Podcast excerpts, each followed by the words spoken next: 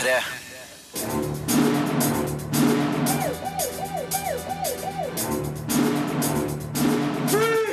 Filmpolitiet! What's your name, dude? Eh, Birger Vestmo. What kind of stupid name is that? Creed, The Legacy of Rocky, er et absolutt godkjent boksedrama. Daddy's Home er en litt for snill, trygg og kjedelig komedie. Og Jakob Oftebro spiller gnistrende godt i den danske filmen Gullkysten. Det er premierefilmene som skal anmeldes i dag. Vi skal også minnes Alan Rickman. Du får møte regissørene av TV-suksessen Making a Murderer. Jakob Oftebro forteller om innspillinga av Gullkysten i Ghana. Du får dommen over TV-serien Billions. Og vi skal synes om Oscar-nominasjonene som ble annonsert i går ettermiddag. Filmpolitiet Filmpolitiet anmelder film. Well, then the girl said you wanted to talk about something. Yeah, I want to talk to you about training me. Creed, The Legacy of Rocky, er en absolutt godkjent forlengelse av serien som gjorde Sylvester Stallone til filmstjerne i 1976. Men nå er rollene snudd. Nå er det Rocky som er den drevne veteranen som må lære opp en ung og uerfaren bokser med talent, guts og viljestyrke. Regissør Ryan Coogler, som ikke engang var født da Rocky-feberen raste som verst mellom 1976 og 1985, har laga noe som kan ansees som en moderne Rocky. Ikke alt på dramafronten lykkes like godt, men filmen har noen susende gode boksesekvenser og en udiskutabel kjemi mellom sine hovedpersoner. You are Apollo Creed's son, so use the name. It's yours. Vi møter den unge bokseren Adonis Johnson, spilt av Michael B. Jordan, som går under navnet Don, og heter dermed Don Johnson, et faktum filmen glemmer å gjøre et nummer av. Men faren hans het Apollo Creed, en kjent figur fra Rocky-filmene. Nå vil Adonis bli toppbokser sjøl, og flytte fra Los Angeles til Philadelphia for å overtale en motvillig Rocky Balboa, spilt av Sylvester Stallone, om å trene han til topps. Det skal bli strabasiøst for dem begge. On. Jeg syns ikke noe særlig om at Creed har fått undertittelen The Legacy of Rocky i Norge. Dette er kun et markedsføringsgrep. Har noen spurt Stallone? Her er han mer enn fornøyd med å være støttespiller for Michael B. Jordan, som er filmens hovedfokus. Men så er det òg et faktum at Creed lever best hver gang Stallone viser seg. Det er han som er historiens hjerte og hjerne, mens hovedpersonen stort sett er sint ung mann med noen sytetendenser. Jordans spill som Adonis vekker likevel sympati, mens gjensynet med Stallone som Rocky er både hjertelig og bittersøtt. Den gamle kjempen har blitt merkbart eldre. I Ikke alt fungerer like godt i Creed The Legacy of Rocky. Anslaget med en ung Adonis er krampaktig, og avskjeden med mora i Los Angeles noen år seinere er famlende fortalt. Når Adonis møter Rocky, kommer filmen seg heldigvis betraktelig og blir et godt drama der erfaring og livsvisdom krasjer med ungdommelig overmot. Historien introduserer oss òg for Bianca, spilt av Tessa Thompson, en artist som Adonis innleder et forhold til, men dette elementet blir aldri utvikla til noe av reell betydning. Bianca er sågar i ferd med å bli døv, uten at det blir noe annet enn enkel fisking etter sympati. Hva er du redd of? Men alt som skurrer, er glemt når Adonis og Rocky går i ringen. Den avsluttende kampen har den samme energien og spenninga som Rocky-filmene er kjent for. Etter blodig boksing roer regissør Ryan Coogler oss ned med en vidunderlig nostalgisk sekvens som vekker klumpen i halsen og gjør det krystallklart at tida går ubønnhørlig fremover for all. Creed The Legacy of Rocky er herved anbefalt. Terningkast fire. Les mer om film, spill og serier på p3.no Filmpolitiet. Mine gode, kjære kolleger Marte Hedenstad og Sigurd Vik er her sammen med meg, og vi er vanligvis glade, lystige og positive, men i går ettermiddag så fikk vi en melding som gjorde oss forholdsvis eh, triste og sørgmodige. Eh, Marte, kan ikke du bare gjenoppfriske eh, mitt og alles minne? Jo, altså, i går eh, så fikk vi da vite at ah, Hans Gruber, sheriffen av Nottingham, den reddende engelen i fornuft og følelser, eh, Snape fra Harry Potter, at Alan Rickman hadde gått bort. 69 år gammel, død av kreft, Mm. i likhet med en annen kjent eh, person tidligere i uka. Eh, Men hvis eh, musikkfans ble trist og lei av Bowies død, så er vi minst like lei av og, å, å lei oss for Rickmans død, Sigurd. Ja, det her er veldig trist, fordi han er en sånn skuespiller som man kunne stole på. Altså, jeg hadde sett for meg nå en øh, Jeg har lyst til å si 20 gode år med Alan Rickman som den der go-to-karakterskuespilleren man kunne få de gode og rike skurkene av. Litt som en McKellen, litt som en Helen Mirren. Altså noen man bare visste at hadde autoriteten og, og vesenet til å virkelig få fram de store følelsene på lerretet. Så øh, fagmessig veldig trist, og selvfølgelig også trist at Alan Rickman er borte. Nå skulle jeg gjerne ha spilt av eh, samtlige av Alan Rickmans replikker fra alle filmer han noensinne har vært med i. Det hadde kanskje tatt litt tid, men jeg må ta en replay av vignetten som eh, åpna dagens eh, Filmpoliti, spesiallaga for anledningen. Filmpolitiet. Do you really think you have a chance against us, Mr. Cowboy? Yippee-ki-yay, motherfucker. Filmpolitiet. På P3. Sigurd, Marte, noen som tok den? Ja. Det er så fint med Die Hard 1, fordi den er så bra. Altså, Min favorittsekvens med Rickman fra den filmen tror jeg er når han gir seg ut for å være et av gislene og møter da Bruce Willis, aka John McLean, Ja. eh, oppe i en eller annen del av Nakatomi-bygningen Ja. og slår over til en sånn amerikansk aksent og begynner å liksom sånn Oh, don't shoot me! Don't shoot me! No! Det er bare, han er bare helt herlig der. det, det, første, det første jeg la merke til med Alan Rickman den gangen, det er jo allerede en god del år tilbake, det var stemmen. Altså den herre røsten med diksjon og eh, en, eh, et stemmeleie som eh, som du tar seriøst ganske med en gang, og som utstråler både troverdighet og eh, noe skummelt på en og samme tid. Ja, han har virkelig evnen til, eller hadde virkelig evnen til å på en måte være en sånn sleip og fæl skurk, som du på en måte var litt redd, men som du òg syntes var veldig kul samtidig. Ja, for du elsker Hans Gruber. Ja, ikke sant? Også, men mitt aller første minne, eh, det var jo da fra Robin Hood-filmen eh, med Kevin Costner, altså Prince of Thieves. Og jeg husker spesielt en scene eh, hvor han liksom utbryter sånn Luxley, I'll cut your heart out with a spoon! Og så, bare måten han sier det på, det, det er fabelaktig. Og så er det noe med ansiktsuttrykkene hans. Det han får til med en litt sånn glis, eller fikk til. Eh, altså Om det er enten i, i Robin Hood, hvor sheriffen av Nottingham også har det der gliset der du ser han er så sint, men han smiler, og i Love Actually, og så har han det der gliset, og ikke minst Severus Snape, som også med minimal mimikk, altså hvor mange ansiktsuttrykk har Snape? Ikke han mange. har tre, liksom, men utrolig mange følelser Alan Rickman fikk til med en liten endring av leppestrukturen. Og alle reaksjonene eh, etter hans død det viser jo at han nøt enormt stor respekt, eh, ikke, blant, eh, ikke bare blant publikum, men også sine kolleger. Blant annet eh, så eh, Å, herregud, nå glemte jeg navnet. Gandalf. Ja, Ian McKellen Ian la McKellen, ut et, ja. en lengre post på sin Ja. Facebook-side hvor han hyllet Rickman både for hans skuespillerprestasjoner, men også eh, om han som medmenneske. da. Ja. Det var veldig, veldig fint. Sjekk ut den posten på Facebook. Vi er lei oss for at Alan Rickman ikke lenger er med oss. Eh, Nå skal vi bruke den nærmeste helga på å se igjen alle filmene hans. Sånn cirka. Filmpolitiet anmelder film. So today is the day I'm finally meeting the father of my stepkids. Am I nervous? Pepe, you know, kids, they know who's been there. Holy Daddy's Home er basert på en idé som egentlig er ganske god og høyst reell for mange, nemlig det potensielt kinkige forholdet mellom en stefar og barnas biologiske far. Men det her er en komedie med Will Ferrell og Mark Wahlberg. Deres største ambisjon er å få deg til å le, ikke føl eller tenk. Latteren vekkes av og til, men for det meste nøyer denne filmen seg med å være slapp, middelmådig og uinspirert. Humoren er for snill, trygg og kjedelig til at Daddy's Home makter å bite fra seg. Og dermed er veien kort for meg til å kalle filmen tannløs.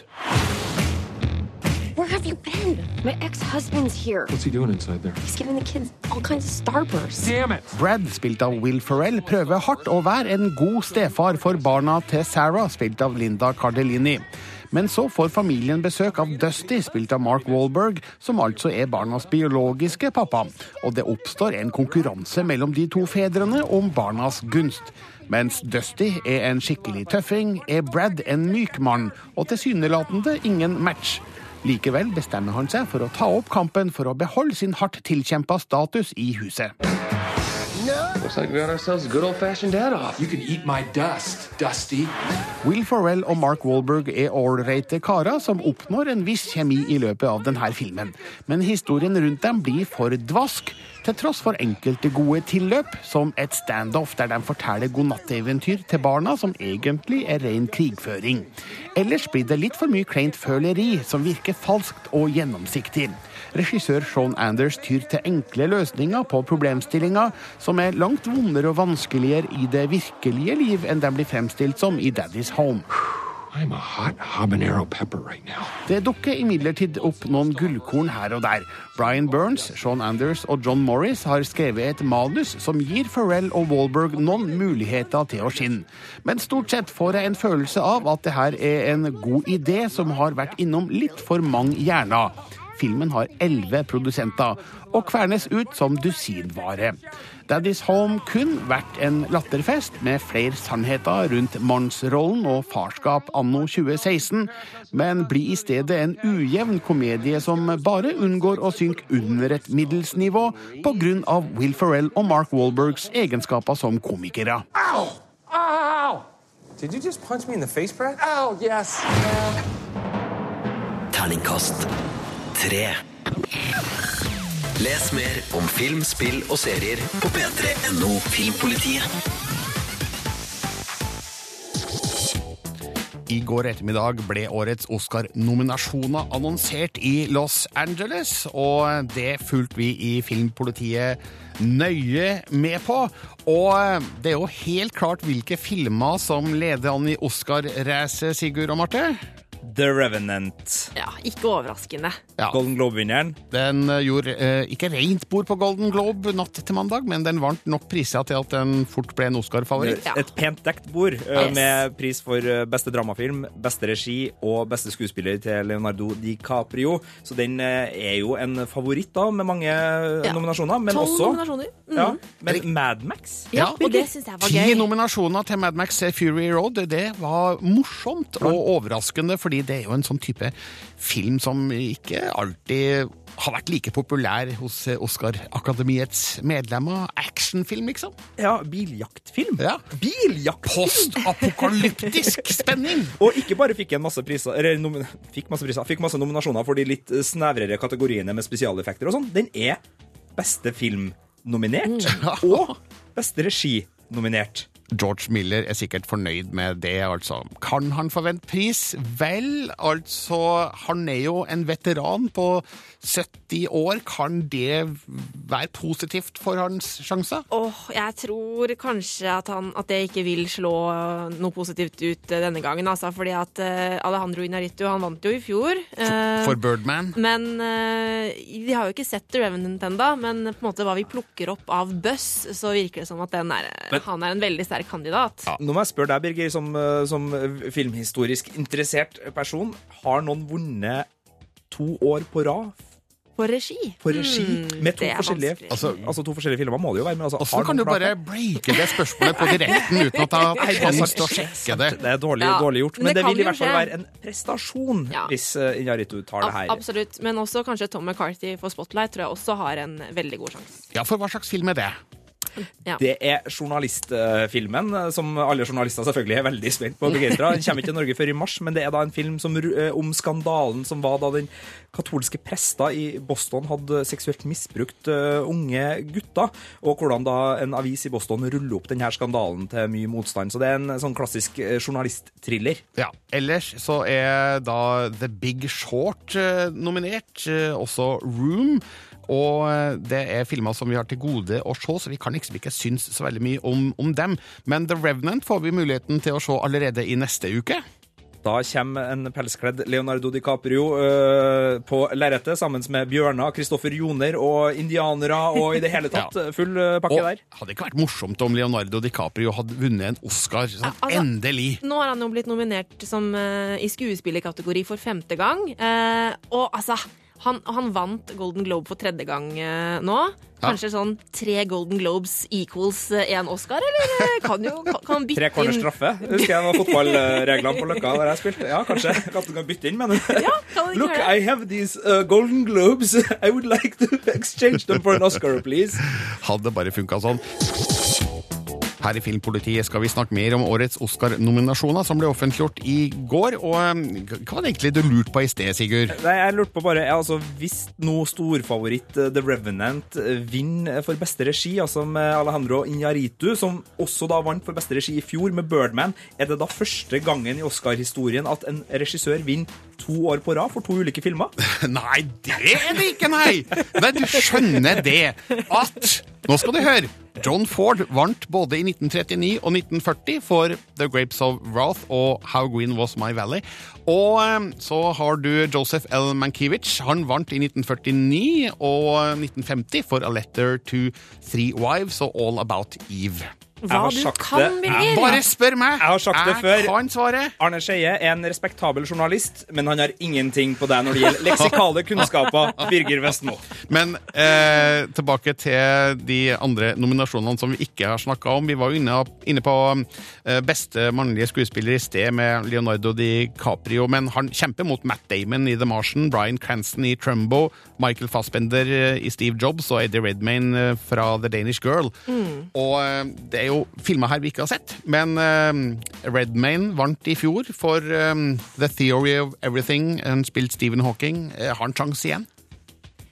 Altså, han, han går jo gjennom en på en måte transformasjon denne gangen også. Ja, og det er populært i Det er veldig populært. Så hvem vet? Det kan jo, det kan jo skje. Men jeg, jeg tror også kanskje at Michael Fassbender kan være en, en eh, populær kandidat for Ja, Steve han, Jobs. han spiller jo en virkelig figur, eh, Steve Jobs, eh, som du sa, og virkelige figurer på film. Det er populært i Oscarsammenheng. Ja, heldigvis, Dette er to filmer vi faktisk får sett før Oscar-utdelingene. For Steve Jobs har premiere nå neste uke, og Den danske piken den kommer i starten av februar. Jeg har ikke, ikke sett Trumbo med Bryan Cranston, men The Martian med Matt Damon har jeg sett, og jeg tviler vel på at det er Oscar-verdig Han Jeg fikk en Golden Globe, men det var jo da i komedie slash musical-sjangeren. altså, Matt Damon er jo god, men Matt Damon er jo mer Matt Damon enn en annen rolle, nesten, i denne Ja. filmen også. Ja.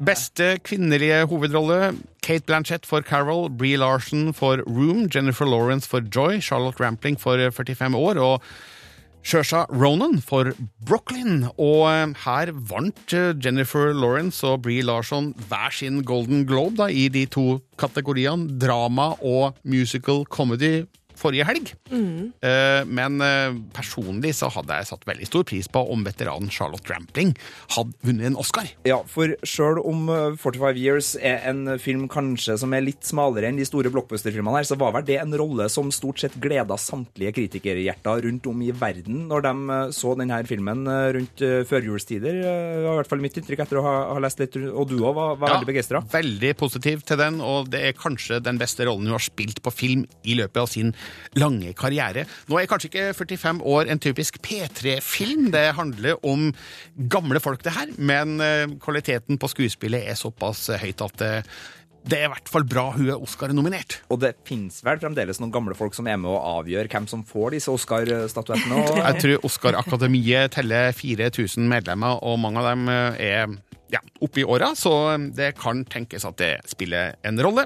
Vi rekker ikke mer eh, nå.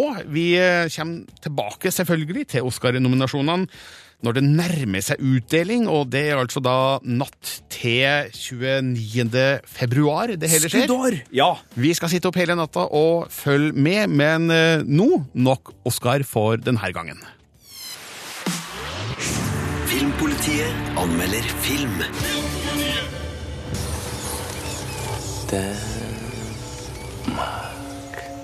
Jakob Oftebro imponerer med sin hovedrolle i den danske filmen Gullkysten, som forteller en historie med dansk kolonistyre i Afrika på 1830-tallet som bakteppe. Regissør Daniel Dencik fører oss inn i et mørkt univers, der vakre sandstrender omkransa av susende palmetrær blir et feberaktig mareritt for figurene. Filmen er dominert av mørke følelser og stemninger, sett gjennom hovedfigurens naive øyne. Man føler seg hensatt til en oberst Kurtz Hearts of Darkness-aktig tilstand, der velmente ambisjoner blir knust av blodige realiteter. Afrikas neger er som svampe. De skyder opp av jorden. De taler som en slavehandler. Den unge offiseren og botanikeren Wulf, spilt av Jakob Oftebro, seiler til Afrikas vestkyst for å tilbringe ett år i dansk Guinea, som i dag er en del av Ghana.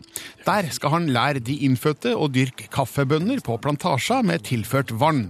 Han ankommer fortet Christiansborg, der tre danske offiserer lever i syndig forfall.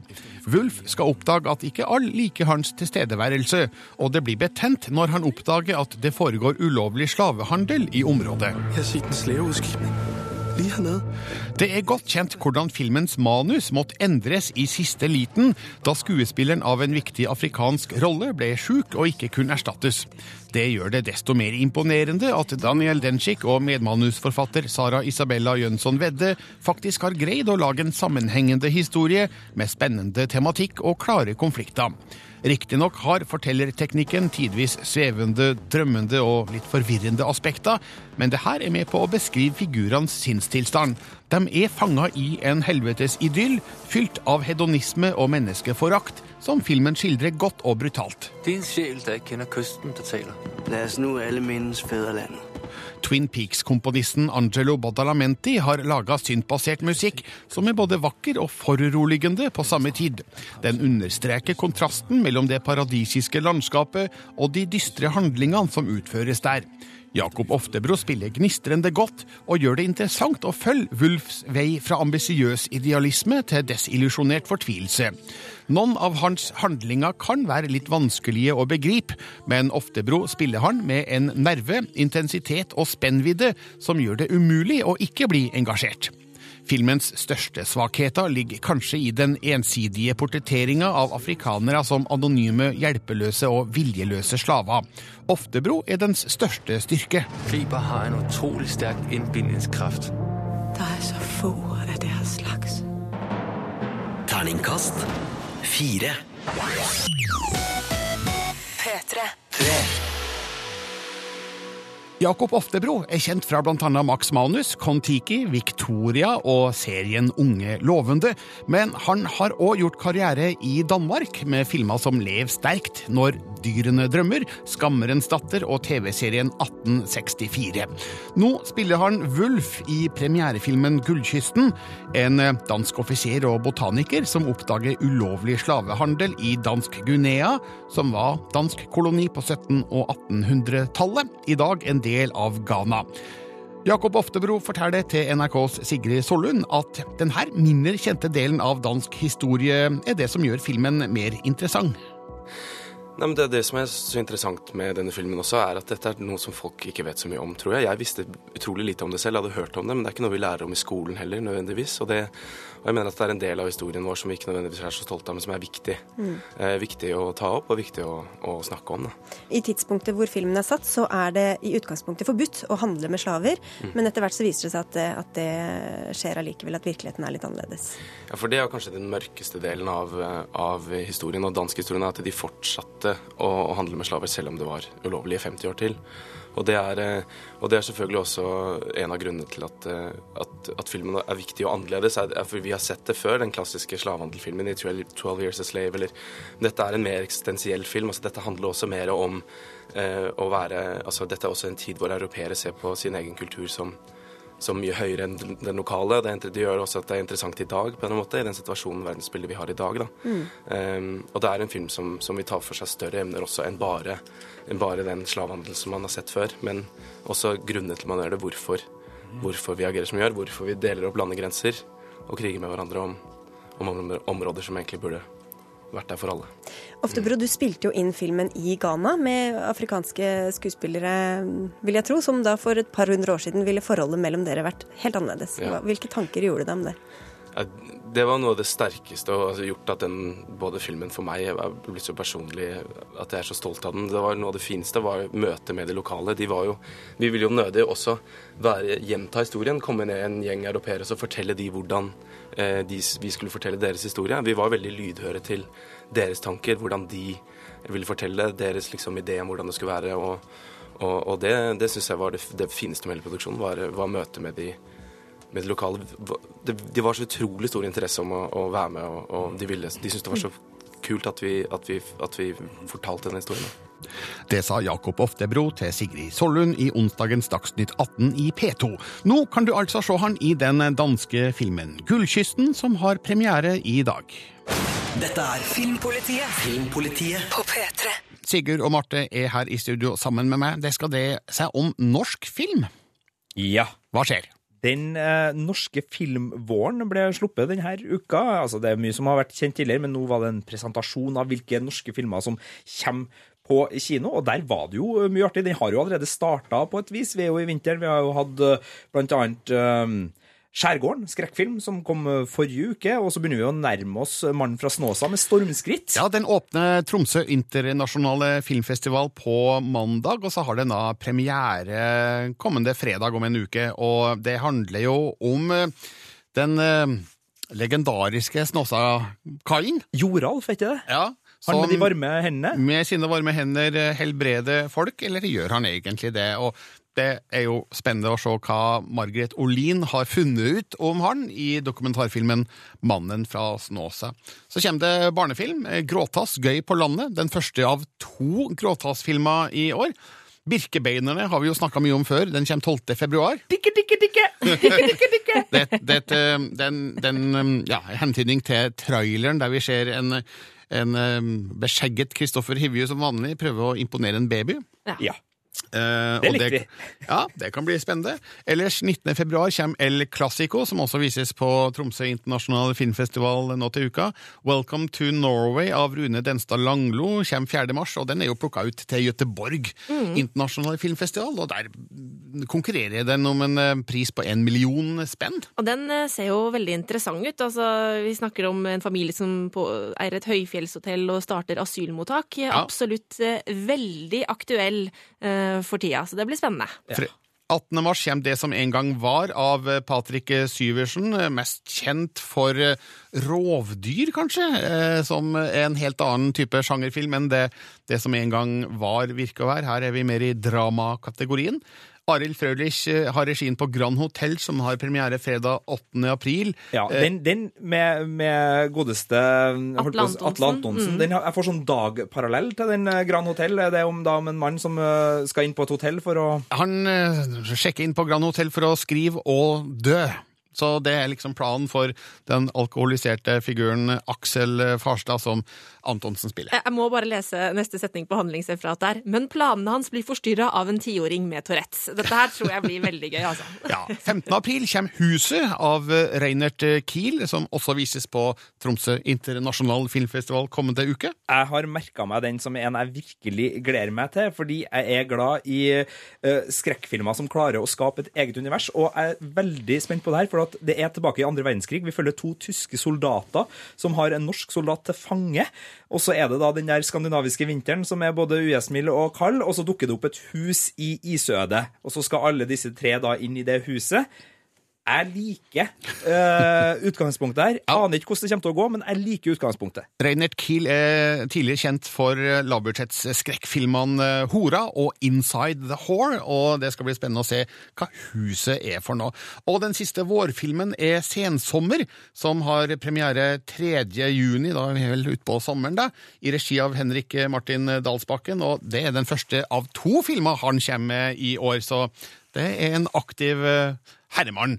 Sånn at det er filmvåren. Mye spennende her, tror jeg. Jeg vet ikke om noen av disse filmene kommer til å være sånne sluggere på box office. Det heter kanskje ikke box office i Norge. Bortsett fra Birkebeinerne, som jeg vil tro ligger godt an. Og vel, du skal ikke se bort ifra at Mannen fra Snåsa kan bli en ny sånn dokumentarsuksess, for Snåsavakallen er en figur mange har tenkt på. hvis kor fra Finnmark blir poppis, eh, eldre menn fra Finnmark der, altså, så satser jeg på at eldre menn fra blir det Nord-Trøndelag, sånn cirka, tenker jeg, skal også ha en mulighet. Men huset også har jeg tro på, altså. Ja, har du det? Jeg har litt tro på Welcome to Norway òg, da.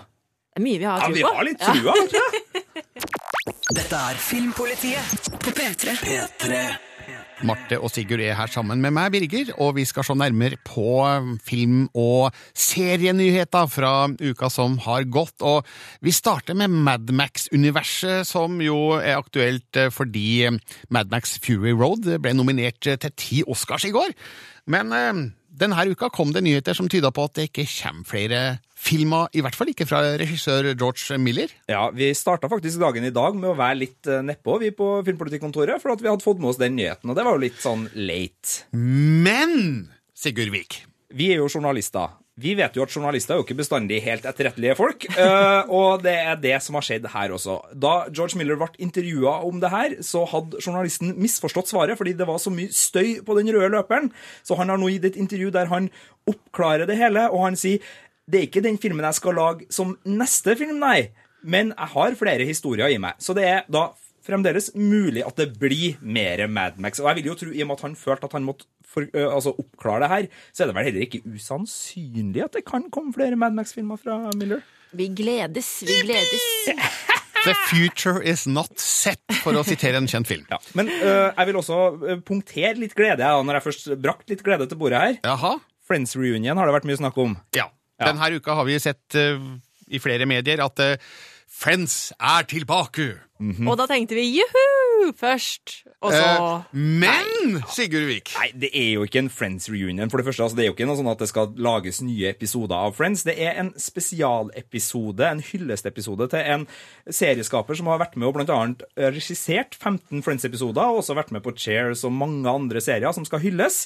Og så er det da snakk om at Friends-castet skal være med på denne hyllesten, og nå kom siste beskjeden at Matthew Parry sannsynligvis ikke kan være med uansett, så det er ikke alle som skal Altså- være der engang. Det er ikke litt en Friends reunion engang. Det er ikke litt en Ja, det bitte litt, da. Vi vet ikke engang om de kommer til å være liksom in character i dette hyllestshowet. Ingenting. Eller om de kommer til å være i samme rom. Kanskje de skal intervjue dem hver for seg. Hvem vet? Og da er folk så sleipt at vi sier sånn Vi vet ikke om vi får til å ha dem i samme rom, men vi kan jo. Altså, ja, det her Så var det, det, det her blir for uh, rart til å kalles en Friends reunion. Så Ikke politigodkjent eh, reunion, eh, tror jeg vi stemte den som. sorry å være bringer of bad news, altså. Men det, det er sånn det er, rett og slett. Har vi noe mer positivt på, på lager? Altså, eh, Jeg syns jo det er litt artig da, at eh, Narnia kommer tilbake.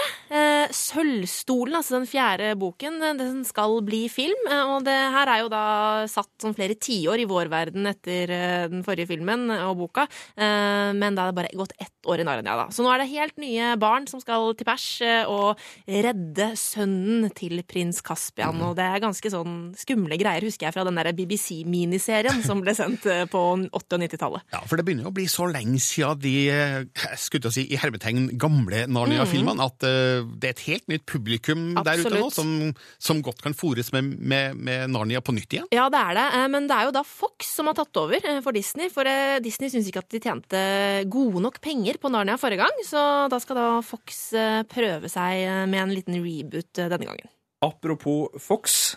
De kommer også med en film som heter Deadpool, som Yes! handler om en Marvel-superhelt som heter Deadpool. Oh, yes. Som ikke er i Marvel Cinematic Universe sammen med Avengers og alle dem her. Uh, han er sammen med X-Men i Fox sitt Marvel-univers. Mhm. Og traileren har somme- eh, kommet, og den er R-rata, ikke det sånn? Ja, ja, ja, ja, ja. Det som er greia nå, er at nå har det endelig blitt bekrefta at Deadpool blir R-rata, for det har vært mye snakk om det. Og da jubler jeg høyt! Kan jeg bare komme inn her og spørre hvorfor er det viktig hvilken aldersgrense altså- Deadpool altså, får? Det er veldig viktig, faktisk, eh, på grunn av at eh, i tegneserien Deadpool så er det veldig mye grov humor, og den må vi jo få videreført til filmene, ellers så blir ikke Deadpool Deadpool. Eh, og grov humor, det betyr høy aldersgrense, så hurra! Ah, jeg har sett traileren. Jeg er skeptisk. Den grove humoren der var grovt uh, middels, spør du meg. Jeg, har sett, eh, jeg så bilde på nett eh, denne uka av en reklameplakat, en sånn svær sånn billboard i et sted i USA med eh, en hodeskalle, Ja. en bæsj og bokstaven L.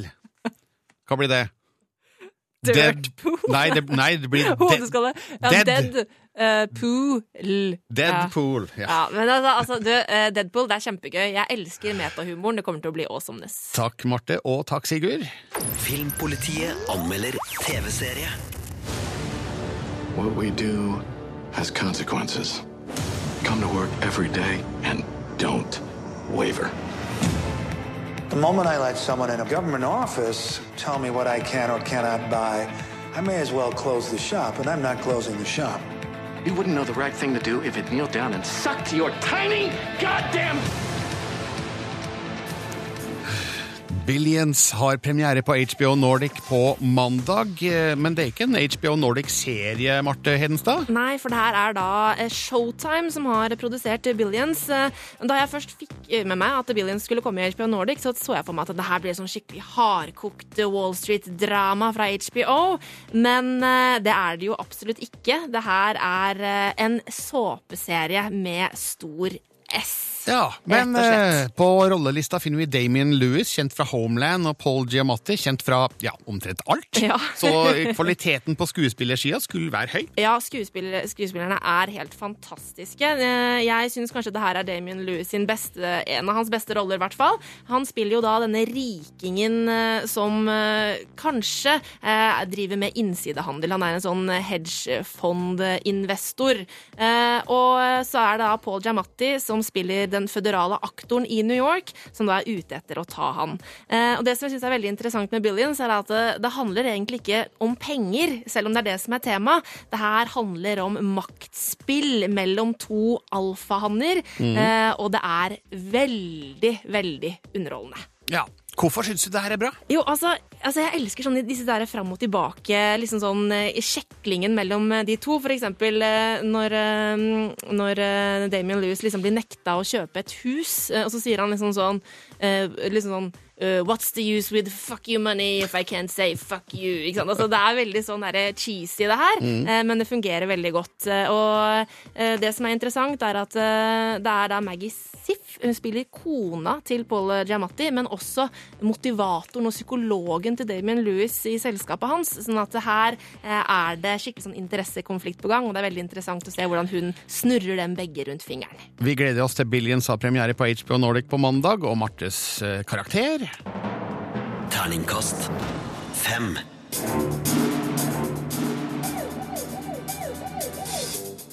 Netflix-serien Making a Murderer, som handler om hvordan det amerikanske rettssystemet har behandla Stephen Avery, har vært årets store seriesnakkis så langt.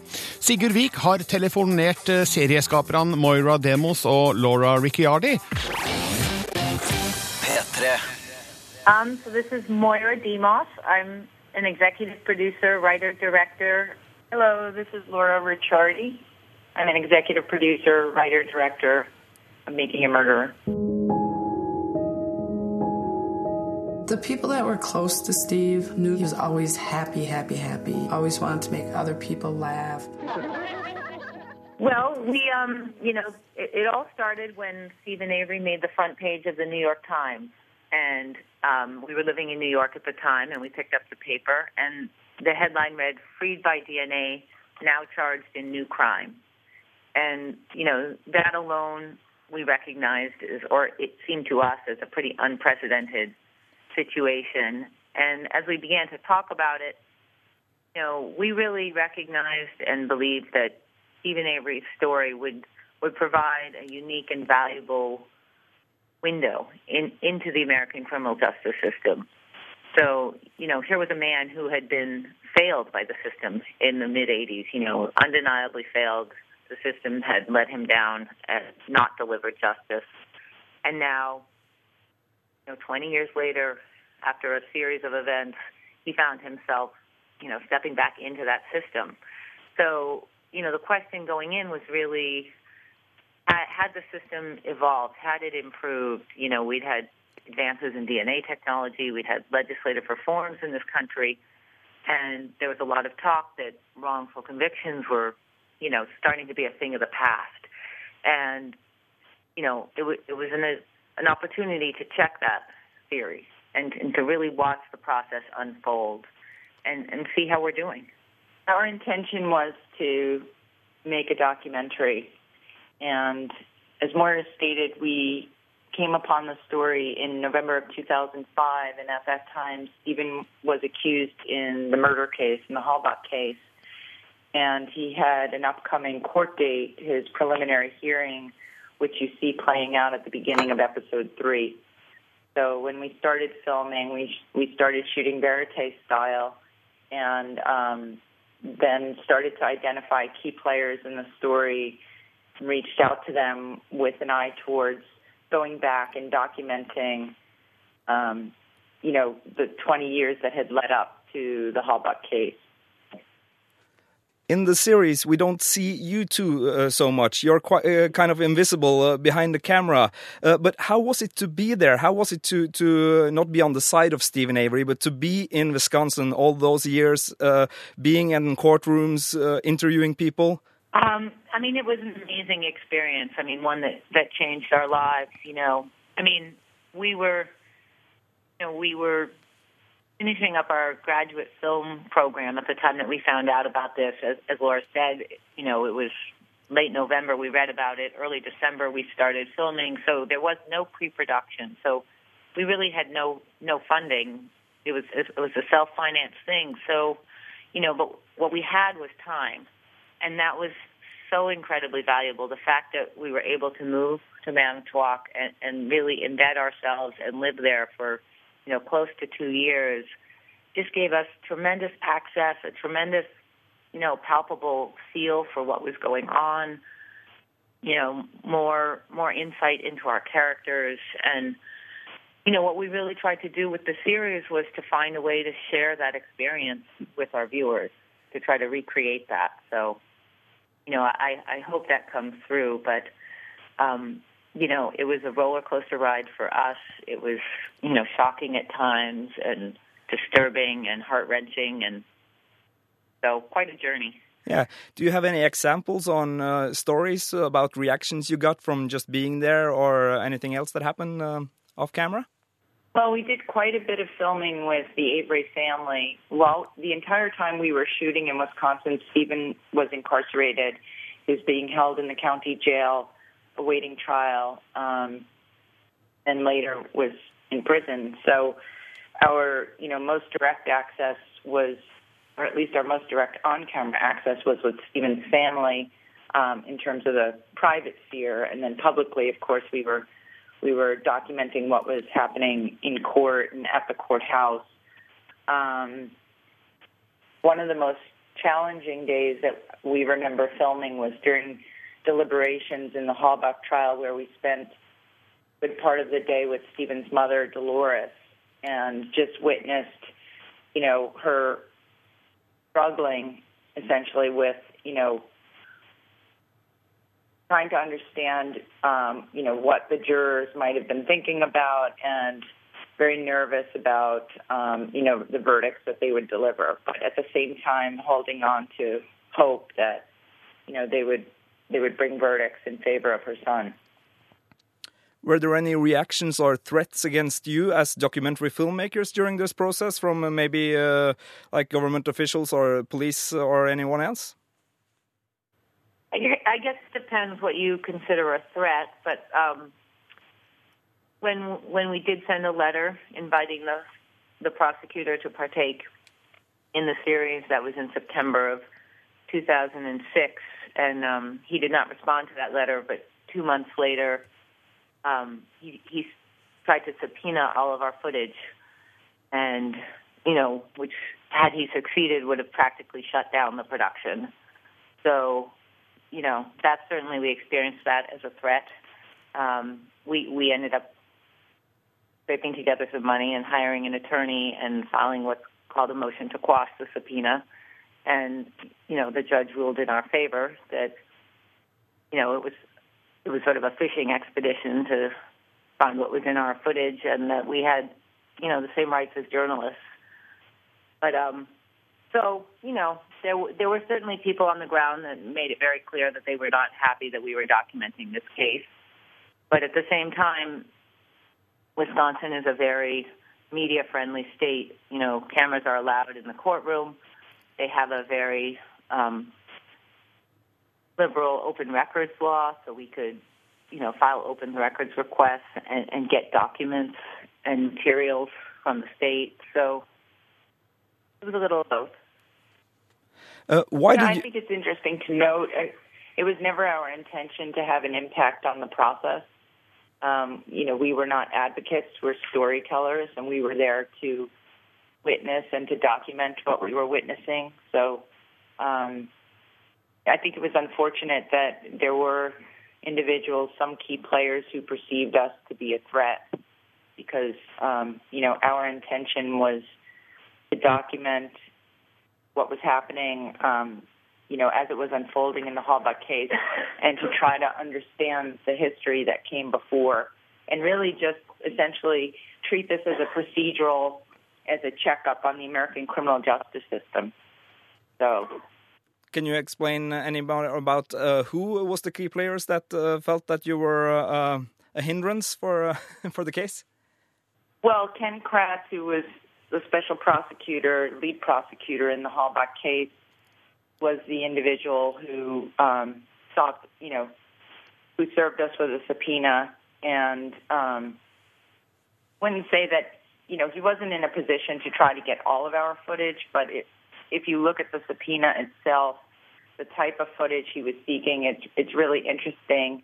I mean, we can only speculate about his motivations, but to the extent that he was seeking um, any statements that Stephen Avery made to us was really interesting because, as I said earlier, Stephen was incarcerated the entire time we were filming, which meant that all of his calls were um, recorded at the jail, which meant that the state already had in its possession any statements Stephen Avery would have made to us. Because the only way we could speak to Stephen was over a recorded line, which is often monitored by people at the jail. So it really made no sense to us or to the judge why the state would bring a subpoena to try to acquire footage from us that it already had. The disappearance of Teresa Halbach remains a mystery. Mr. Avery's blood is found inside of Teresa Halbach's vehicle. Steve, everybody's listening. What do you want to say today? I'm innocent. The series has uh, gotten a huge, uh, huge um, commitment from viewers. Uh, both people who thinks Avery is guilty, people who thinks uh, Avery and his nephew are guilty, and people who think they're innocent. Why do you think this series has uh, created such an, uh, a commitment among the viewers? Well, first of all, I mean, we're so grateful to all of our viewers. You know, we know we're asking a lot. You know, this is 10 hours, and they're pretty dense. And, you know, some of them are pretty grueling. So, you know, we're thrilled that, that people are watching and people around the world and people really from all walks of life seem to be engaged. And, you know, all along our goal was, you know, to, to spark a dialogue, you know, and a dialogue not just about this case, but you know, really getting back to our reasons for making this, to open up a dialogue about our criminal justice system here in the United States.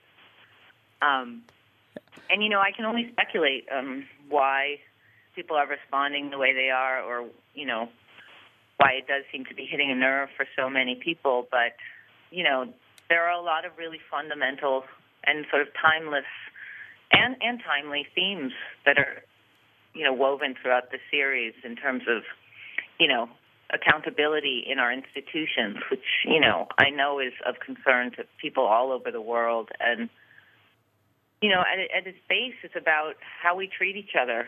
And, you know, do we have empathy for people that aren't exactly like us? And, you know, it, and if you engage in, in Stephen's trajectory, I mean, this is, this is really the story of an underdog. And, um, I think many, many people, if not most people, feel like underdogs in their own lives and can identify with that and can identify with the basic basic desire to be treated fairly in their lives. So I think people are connecting on all sorts of levels. Well, speaking about the the un underdog angle, because you've also been criticized for leaving out information and maybe portraying Stephen as a very sympathetic uh, man with music and pictures and what you choose to show. How do you face that criticism? We, you know, it's our opinion that we portrayed Stephen as a multidimensional character. I mean, we show that he had um, priors, that he had a criminal record before he was arrested in the Burnson case. We show his complicated history with law enforcement. So, you know, from our perspective, we showed Stephen, you know, quote unquote, warts and all. Um, I'd like to get back to what you were asking about, um, you know, how we feel about people sort of taking sides about whether Stephen and Brendan were responsible for Teresa Halbach's death or not. And, you know, what we would really like to encourage people to do is reflect on the series and, and try to, you know, think about the respective roles of truth and justice in the criminal justice system. And, you know, over the course of documenting this 30 year story and looking at multiple criminal and civil matters here, we really came away from this experience believing that um, these matters are not always truth revealing matters. Sometimes we just don't know. And it's, it's important for us to come to a place where we can accept what we don't know and I think what emerges there once you do that is an appreciation for justice. And that, that sort of rises to the top and in a way becomes even more significant than the truth. Um, because it can be incredibly frustrating if one is focused on or even obsessed with getting to the truth or finding answers and realizing that, you know, these are really complex matters that don't always deliver us truth. So I think what can be, you know, the more admirable or the more, um, you know, the stronger virtue here is justice and really just questioning was the process fair? If if I were in the system, if I were caught up in the system, would I want to be treated in the same way that Stephen Avery and Brendan Dassey were, or would I, you know, hope for something better? Are you finished with uh, following Stephen and, and Brendan Dassey? As, as we've said before, um, you know, we are prepared if, if there are developments that seem significant. Um, we are prepared to continue to follow these these stories and their journey. Um, but you know, it, it's real life. It's hard to predict what's going to happen. So, you know, we're we're standing by. Serieskaperne Moira Demos og Laura Ricciardi ble intervjua av Sigurd Vik. Og alle de ti episodene av dokumentarserien Making a Murderer ligger på Netflix og anbefales. Filmpolitiet. Does that sound good to you? På P3. Hør flere podkaster på nrk.no podkast. P3.